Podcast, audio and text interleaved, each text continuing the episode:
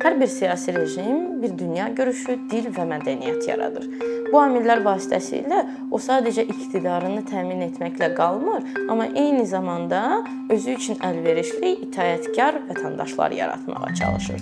70-ci illərin ortasında həm riyaziyyatçı yazar Zinovyev, həm də antropoloq Livada bəyan elədi ki, Sovetlər artıq Homo sovetikusunu yaratdı. Yəni Sovet şuuru ilə formalaşan, böyüyən insan artıq var və Sovetlər dağılsa belə bu insan yaşamağa davam eləyəcək. Bu gün biz məzəli bir şəkildə bu insanlara savok da deyirik.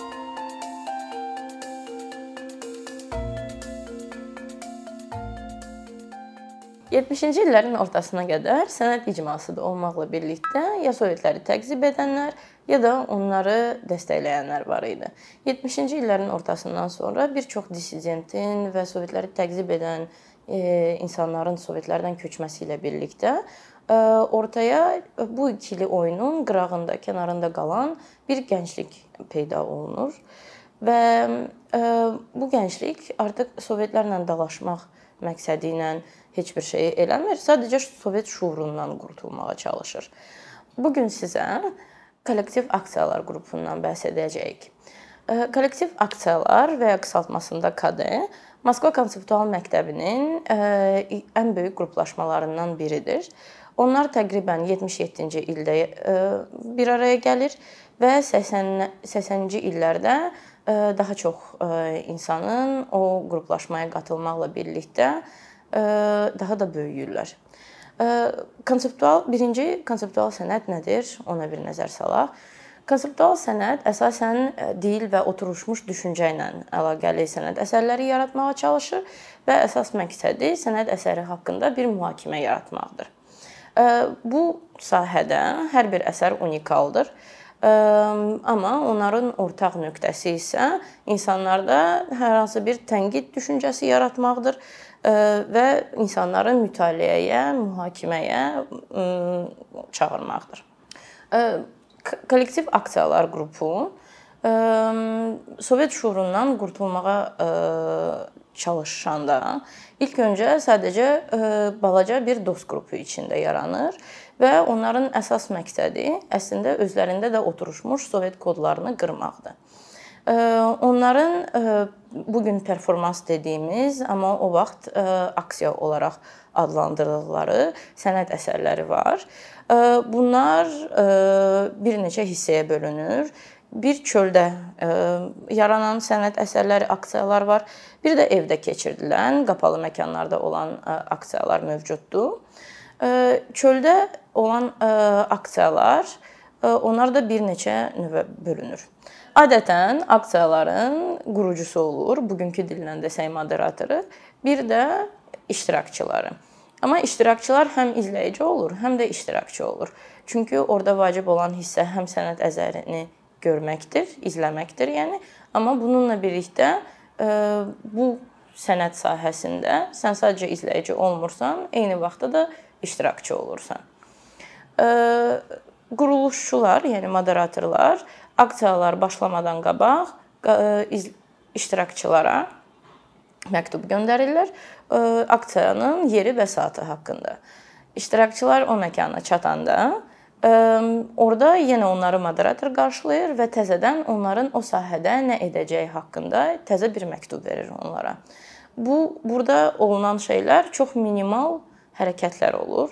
Əsasən bir yerə qədər getmək, meşədə bir tablo tapıb yazmaq, ya da gizlədilən bir obyekti tapmaq olur. Burada moderatorun əsas məqsədi odur ki, bir mövhumu Sovet şuurundan, Sovet şuurunun formalaşdırdığı bir mövhumu oradan tamamilə çıxartmaq və artıq iştirakçının heç cür o obyekti, o mövhumu anlamlandıra bilməyəcəyi bir şəklə gətirib ona verməkdir. VKD-nin qurucusundan biri Andrey Monastirski də e, deyir ki, bizim əslində aksiya vaxtı sorğuladığımız tək şey nəyi və nə cür anlamlandırdığımız, qavradığımız deyil, amma əslində qavrama prosesimizin özüdür. Yəni bugünkü dillə başa salsaq, Məsələn, alma dediyimizdə biz bir meyvə başa düşürük və onun yenilə bilir olduğunu başa düşürük. Amma bu bizə cəmiyyət tərəfindən verilmiş bir koddur. Və biz böyüdükcə bu almanı yeyirik və hər alma gördüyümüzdə əslində almanın yenilə bilir olduğunu düşünə bilirik. Kollektiv aksiyaların fəaliyyətində iki çox vacib məqam var. Onlar Sovetlərdə var olan bürokratik sistemi alırlar və bu bürokratik sistemlə Sovetlərin yaratdığı şuuru qırmağa çalışırlar. Yəni bu necə olur? Bir tərəfdən onlar bütün aksiyaları e, qeydə alırlar. Yəni bu həm vizual və səsli dokumentasiya ola bilər. Vizual e, bu balaca mulnitsa dediyimiz plyonka fotoaparatlarla baş verirdi. E, onların şəklini çəkirdilər hər anın. Bir də o vaxtı məşhurlaşan maqnitofonlar var idi və bunlara da var olan bütün səsləri yazmağa çalışırdılar. Bu sahədə olan səslər ola bilər, evdə səslər, çöldə, küçədə eşitdikləri bütün səsləri yazırdılar. Və bu ikisindən sonra da üçüncü tip aksiyalar yaranırdı. Bu isə film diapozitiv dediyimiz aksiyalar olurdu. Bu qeydlər nə üçün vacib idi? Əslində sonradan film diapozitivə baxanda e, orada izləyicilər, iştirakçılar təzədən özlərini görürdülər və xatirələr vasitəsilə yenidən bir mühakimə yaranırdı. Hər şeyi yazıya almaq isə belə bir e, köməklik edirdi ki, onlar görə bilirdilər ki, sahədə olan düşüncələri ilə evdə olan düşüncələri, yəni sahədə olan haqqında xatirələri dəyişməyə başlayır. Və bu dəyişim də əslində Sovetlərin də yaratdığı bir şey idi. Moskva konseptualizminin ən əsas fərqi də dünya konseptualizmindən fərqi də odur ki, onlar bizə gördüyümüz şeylərin, yəni birə-bir qavradığımız şeylərin sonradan düşüncə halına gəldiyində bu ikisinin eyni olmadığını göstərməsidir. Məsələn, kollektiv aksiyalar Sovet simvolikası ilə də işləyir. Bunlardan ə, ən məşhurları da tarlalara gedən yolda artıq heç kimin olmadığı meşəlik bir ərazidə Sovet şüarlarına çox oxşar şüarlar yaradırlar. Misal üçün, ən məşhur şüarlardan biri qırmızı parça üstündə ağ böyük hərflərlə yazılan bir şüardır. Baxmayaraq ki, mən buralarda heç vaxt olmamışam, və buralar haqqında heç bir fikrim yoxdur. Məni buradakı hər şey qane eləyir və mən heç nədən narazı deyiləm. Bu şüardakı ə, əsas problem odur ki, Sovetlər vaxtı biz bilmədiyimiz bir şeyə həmişə okey verirdik və bunun əslində göstərilməsidir.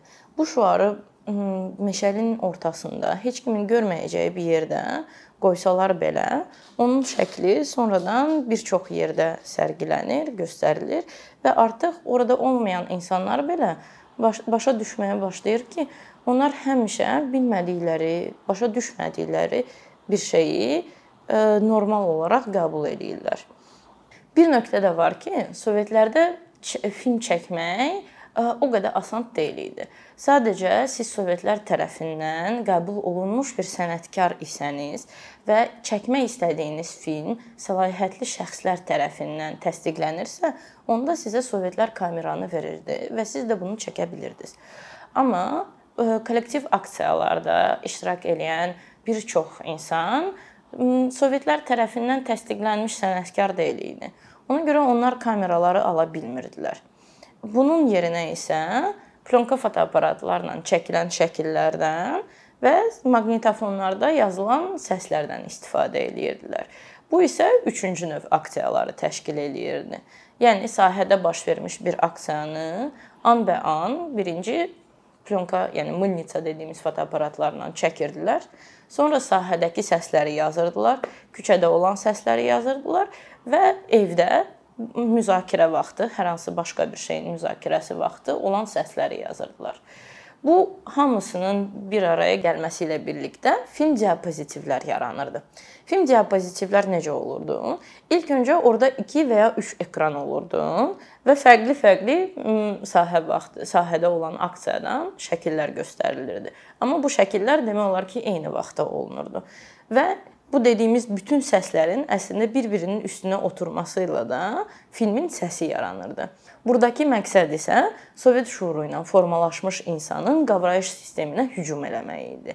Bir çox səsin və vizual olaraq şəklin üst-üstə gəlməsi izləyiciyi bir növ e, bir boşluğa salırdı və onun beyni artıq heç nəyi qavra qavraya bilmirdi.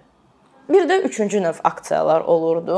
Bunlar isə bu filmləri izlədikdən sonra ya da sahədə olan aksiyaların bitişindən sonra bu aksiyalar haqqında müzakirə idi. Bu müzakirələr səs yazma cihazlarına ə, e, qeyd olunurdu, yazılırdı və sonradan artıq yazılı bir şəkildə bir kitab halına gətirilirdi.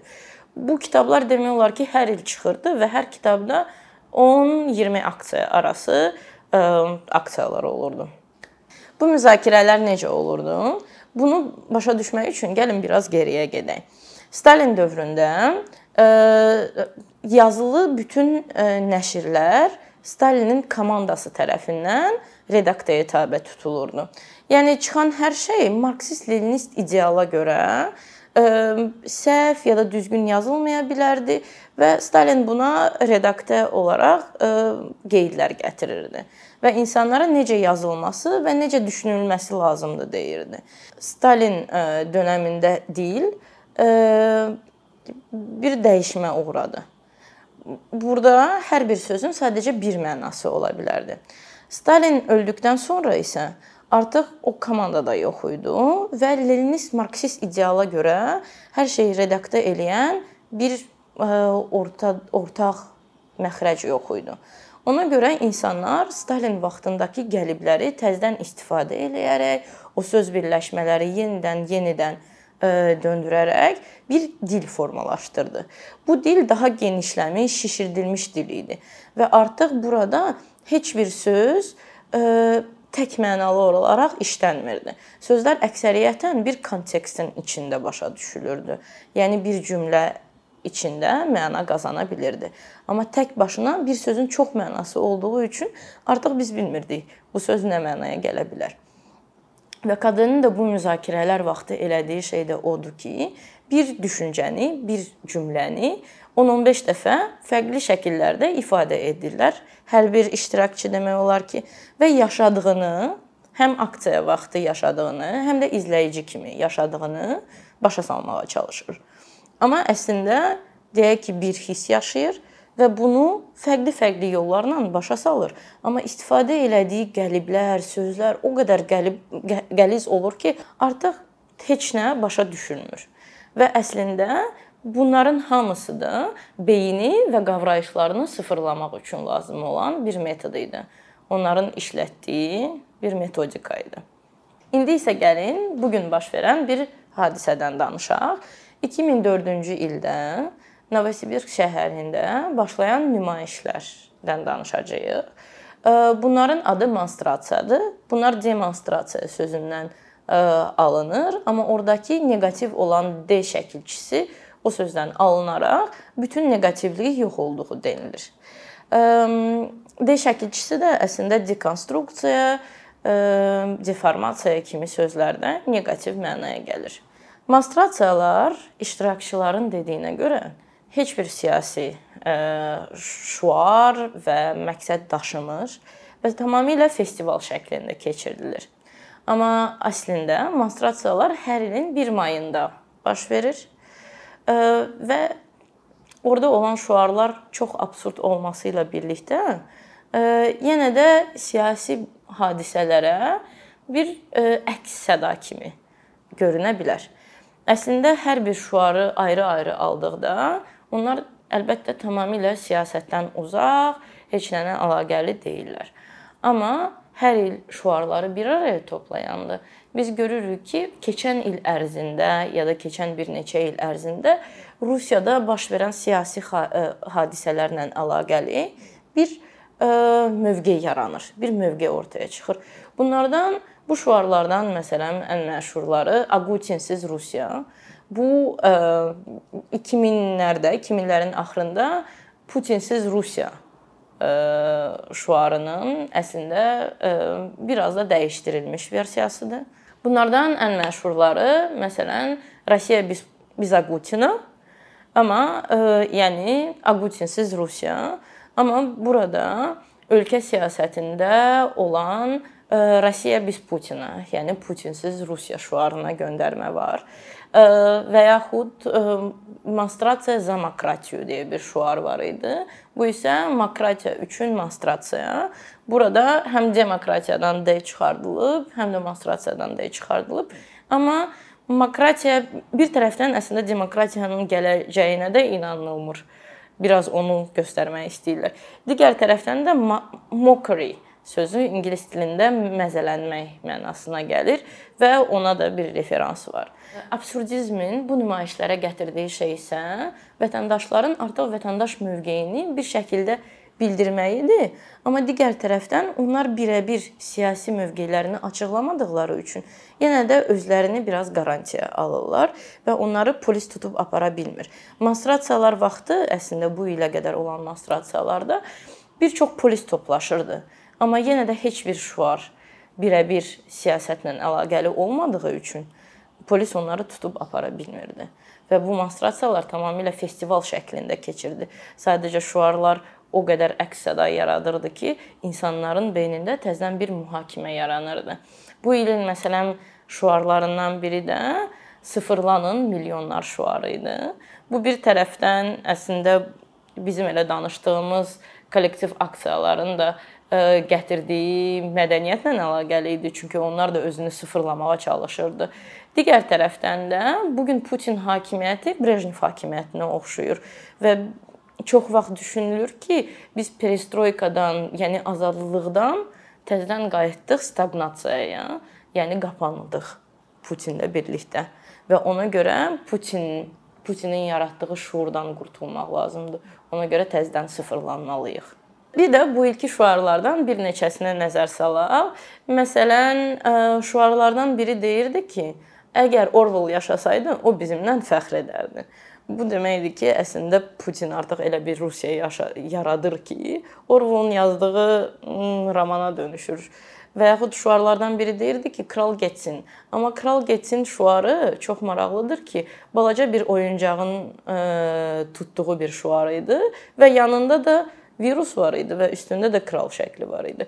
Əlbəttə bu həm virusla əlaqəlidir pandemiya ilə, amma digər tərəfdən də bir Putinin getməyinə də əks-səda yarada bilər. Şüarlardan biri isə baxmayaraq ki, mən Rusiyadayam, mən qorxmuram şüarı idi. Bir tərəfdən əslində Rusiyada karantinin gec elan edilməsinə göstərilən bir mövqeyi idi.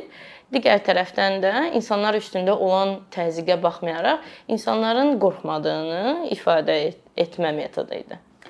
Əkinçinin yeni videoları haqqında məlumatlı olmaq üçün kanalımıza abunə olmağı və xəbərdarlıq funksiyasını aktivləşdirməyi unutmayın. Bununla bərabər gördüyümüz işlərin davamlı olmasını istəyirsinizsə, bizim patronların sırasına qoşulmağınızı rica edirik. Əkinçinin Patreon icmasının üzvü olaraq siz bizim təşəbbüsə dəstək göstərməklə bərabər hazırladığımız materialları hər kəsdən öncə izləmə imkanı əldə edəcəksiniz. İmkandan istifadə edərək cari patronlarımıza işlərimizi davam etməyə yardım olduqları üçün dərin təşəkkürümüzü bildiririk.